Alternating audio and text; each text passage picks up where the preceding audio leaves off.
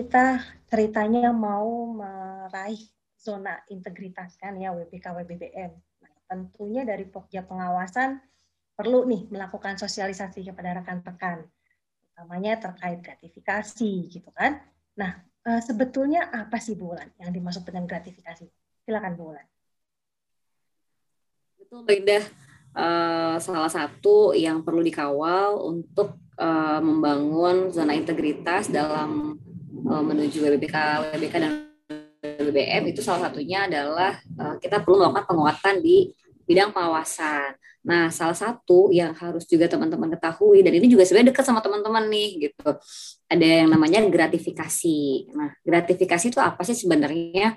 Nah, secara pengertian sebenarnya KPK sudah sudah memberikan sebuah penjelasan bahwa gratifikasi itu adalah pemberian yang diterima oleh pegawai negeri atau penyelenggara negara gitu. Hmm, Tapi kita punya undang-undang tipikor nih. Nah, undang-undang tipikor sebenarnya juga sudah menjelaskan bahwa gratifikasi itu adalah pemberian dalam arti luas yang meliputi pemberian uang, barang, diskon, kemudian komisi, pinjaman tanpa bunga atau tiket perjalanan, fasilitas penginapan, perjalanan wisata, pengobatan cuma-cuma atau fasilitas lainnya. Nah, itu ada di pasal 12B terkait Undang-Undang Tipikor. Itu itu namanya gratifikasi. Oke, Bu Ulan sebetulnya yang dilarang dan siapa saja sih yang nggak boleh terima gratifikasi itu yang pertama. Terus kemudian batasannya apa nih bulan? Kita juga sama-sama belajar nih yang di pekerja pengawasan. Nah sebenarnya eh, gratifikasi itu eh, pada dasarnya adalah sebuah suap yang tertunda. Kenapa sih disebut suap yang terselubung? Karena biasanya orang yang menerima gratifikasi itu lama-kelamaan bisa terjerumus untuk menerima korupsi lainnya seperti suap, korupsi bentuk lainnya. Sehingga sebenarnya eh, si gratifikasi ini bisa dianggap sebagai akarnya korupsi. Nah, eh, kita bahas yang nggak boleh dulu ya. Gratifikasi apa sih sebenarnya yang nggak boleh dikasih gitu ya. Nah, gratifikasi yang nggak boleh kita terima adalah gratifikasi yang berhubungan dengan jabatan atau berlawanan dengan tugas dan kewajiban kita sebagai pegawai negeri atau penyelenggara negara. Ada banyak nih contohnya, misalnya uh, gratifikasi untuk memudahkan pemahaman, kemudian gratifikasi untuk memberikan layanan pada masyarakat di luar penerimaan yang resmi karena kan uh, instansi pemerintah biasanya untuk layanan itu dipungut PNBP. Nah, kalau ada gratifikasi ada pemberian lain di luar biaya yang ditetapkan itu masuk ke gratifikasi.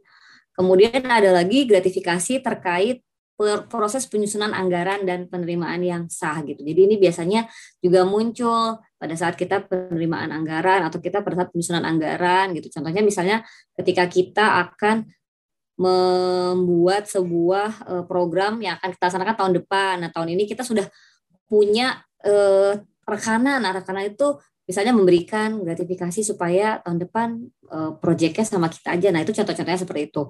Kemudian ada lagi uh, gratifikasi dalam rangka tugas uh, yang berhubungan dengan proses audit, monitoring, evaluasi dan di luar penerimaan yang sah gitu. Karena kan ada ya audit yang sifatnya berbayar gitu.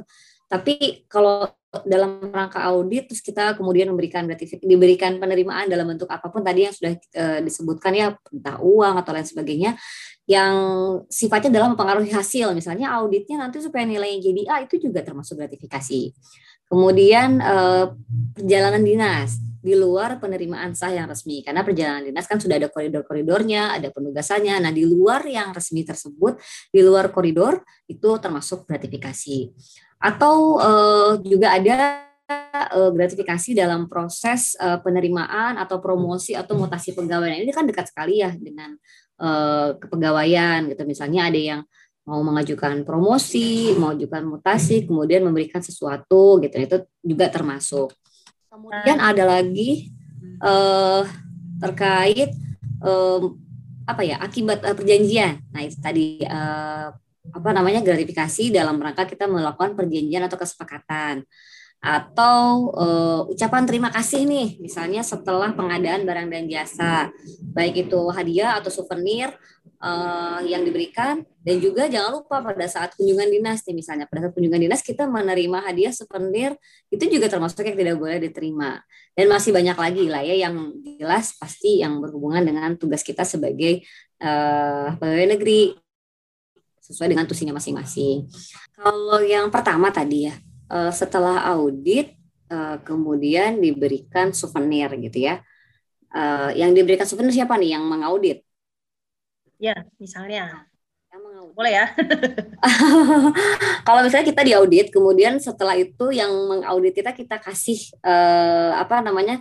Kita kasih uh, souvenir gitu ya sebagai oleh-oleh tanda kasih gitu ya itu juga termasuk gak boleh karena yang dilarang menerima gratifikasi itu bukan cuma pegawai negeri, tapi tadi penyelenggara negara, di mana penyelenggara negara ini salah satunya adalah jika dia menggunakan anggaran negara, artinya eh, jasa yang bersangkutan ini kan dibayar oleh oh, negara ya.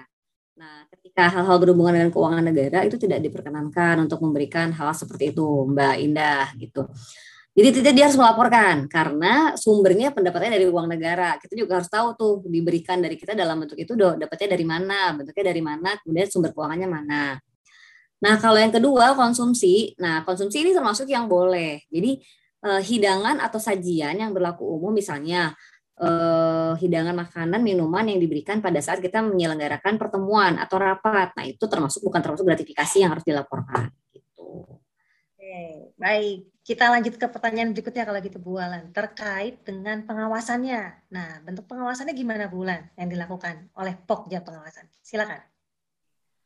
Uh, pentindakan yang harus dilakukan oleh uh, si pejabat negara atau pegawai negeri sendiri pada saat uh, merasa bahwa itu adalah gratifikasi tentu harus menolak dulu. Jadi yang pertama harus dilakukan adalah dari masing-masing individu dulu nih. Kita harus menyadarkan bahwa oh kalau kita dapat gratifikasi, kita harus menolak dulu. Namun memang eh, ada saatnya eh, gratifikasi itu diberikan dan kita tidak bisa menolak gitu. Ada masa-masanya misalnya eh, gratifikasi itu ternyata dikirim ke rumah misalnya kan uh, Listia nih misalnya. Karena nggak enak mau ngasih saya di kantor akhirnya dikirimlah ke rumah gitu kan. Udah diterima di rumah dibuka pula gitu kan nanti sama keluarga saya gitu. Karena misalnya dikirimin uh, paket makanan yang banyak gitu ya. Atau yang lain gitu ya paket-paket yang lain. Di mana kita nggak bisa menerima tidak bisa menolak karena hubungan pekerjaan gitu hubungan yang baiklah dengan pemberi. Misalnya kalau diberikan oleh uh, rekan pejabat gitu ya uh, itu kalau terpaksa sekali diterima ya silahkan diterima kalau misalnya itu masuk kategori gratifikasi, maka segera melakukan pelaporan gratifikasi. Nah, maksimal waktu pelaporan itu 30 hari kerja sehingga dari PPSDM sendiri sebenarnya eh, yang sudah kita lakukan adalah eh, kita menyiapkan formulir yang harus diisi ketika ada pejabat negara atau pegawai negeri yang eh, mendapatkan gratifikasi untuk segera melaporkan dengan mengisi formulir Nah, setelah mengisi formulir nanti akan diproses, kemudian di TL oleh teman-teman dari Pokja Pengawasan dan kemudian nanti akan dibantu untuk pengisian formulir eh, KPK gitu. Oke, Bu Wulan. Nah, terkait formulir itu bisa kita dapatkan di mana?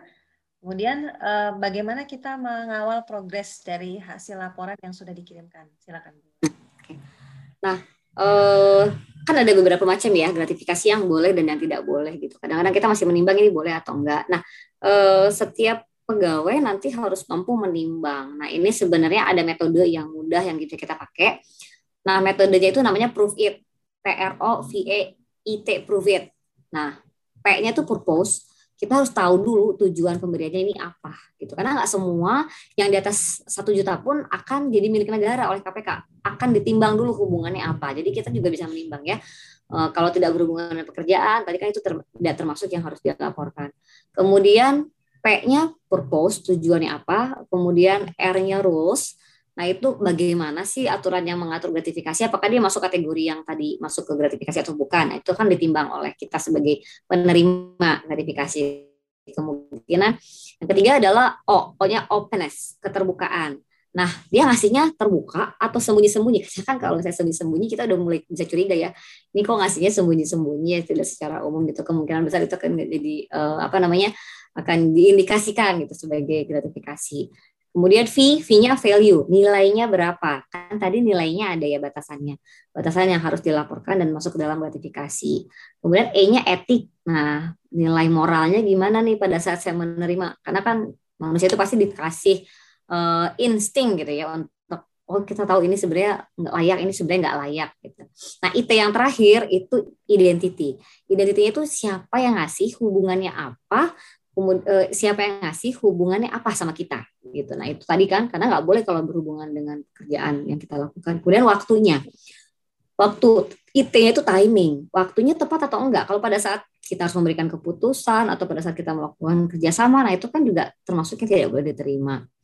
Nah, di PPSDM sendiri uh, untuk formulir tadi sudah kita sederhanakan. Nah, mudah sekali dengan inovasi yang sudah saat ini dikembangkan oleh teman-teman di Pokja Pengawasan. Kita punya satu Google Form yang bisa diakses dan kita kasih jargonnya. Namanya adalah lapor Pak. Lapor Pak itu lanya layanan, pornya lapor, PAK-nya itu pelaporan untuk e, tindakan ketidaksesuaian. Jadi lapor Pak. Nah, itu di dalamnya ketika Bapak Ibu klik dengan mengklik e, Bitly, Bitly lapor Pak PPSDM, nanti adik-adik atau teman-teman semua itu akan bisa langsung masuk ke formulir G-form yang isinya adalah pelaporan untuk whistleblowing dan gratifikasi. Nah, ketika nanti di dalamnya bisa diklik ada gratifikasi. Nah, setelah gratifikasi di situ akan ada tuh isian-isian isinya adalah nama pelapor siapa atau nama yang dilaporkan siapa, barangnya apa, nilainya berapa, sumbernya dari mana. Nah, itu akan langsung terekap dalam bentuk rekap yang bisa kita tindak lanjuti. Itu setelah kita tindak lanjuti, kita akan buat laporan ke inspektorat dan ke KPK, kemudian si penerima nanti akan dibantu untuk pengisian formulir pelaporan ke KPK-nya. Nah, itu sebenarnya. Jadi kita coba mudahkan teman-teman semua karena kalau sebelumnya mungkin aksesnya masih terbatas ya. Formulirnya kayak apa sih? Nah, sekarang kita sudah mudahkan bisa diisi dengan online dan itu bisa langsung masuk terekap juga ke teman-teman pengojek pengawasan untuk mereka. Gitu. Oke deh, mantap. Berarti sudah ada inovasi dengan link tadi ya Bu Wulan ya. Jadi semua bisa tinggal menginput dan otomatis nanti akan di, bisa diakses oleh teman-teman pojok pengawasan untuk dievaluasi mana yang kemudian akan ditindaklanjuti dan diteruskan ke inspektorat maupun KPK. Seperti itu bulan ya. Ya, uh, dengan demikian untuk sesi kita hari ini dan kita akan lanjut di uh, sesi yang berikutnya. Kita tunggu lagi ya untuk sesi podcast berikutnya. Terima kasih dan salam kompak dari rekan-rekan AOC